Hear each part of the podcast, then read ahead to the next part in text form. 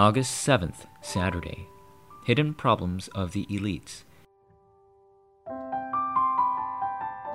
Acts chapter 13, verses 4 through 12.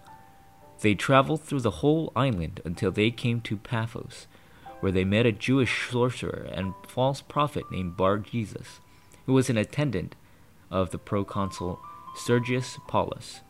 The proconsul, an intelligent man, sent for Barnabas and Saul because he wanted to hear the word of God. Numerous people strive to become elites and seek to taste success through it. Certain individuals place elites as their models and become envious as they attempt to be like them. However, we possess the gospel have no reason to be jealous of them.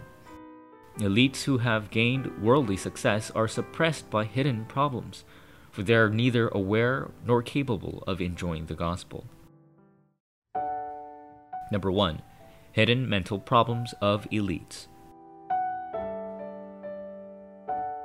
Elites are people who have learned many things. They have acquired incredible wisdom, sufficient experience, and eyes to view the world unlike others. Unfortunately, there are quite a number of elites who have given up on life and even resort to commit suicide. However, even more suffer from depression, bipolarity, mental problems, and issues of insomnia. These problems cannot be hidden. The gospel must be relayed to these people. Only through the gospel can they be saved. Number 2. Oppressed elites. The most successful a person is, the busier they are bound to be. In addition, the work they had to do has no choice but to be more significant than the contribution of others. Due to this fact, they are physically lethargic and gain stress as well as pressure. Although it is unseen to our eyes, humans with souls that do not possess the spiritual answer will be spiritually depleted and are in a state of emergency. Hence, successful elites crumble as they rely on medications, alcohol, drugs, and addiction to games and gambling. Number 3. Method to save elites.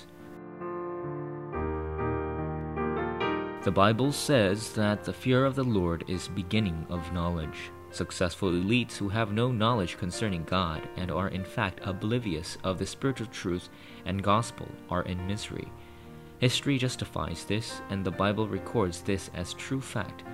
Knowing the gospel is the most utmost importance. When you exist eternally inside the gospel, and that becomes your source of happiness, all problems become resolved. Once you start earnest prayer before God, He will grant amazing strength. You must gain this strength. Then you can be victorious in the midst of any situation or circumstance, as well as meetings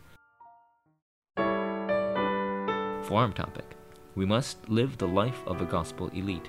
Pray to receive the extraordinary strength given by God.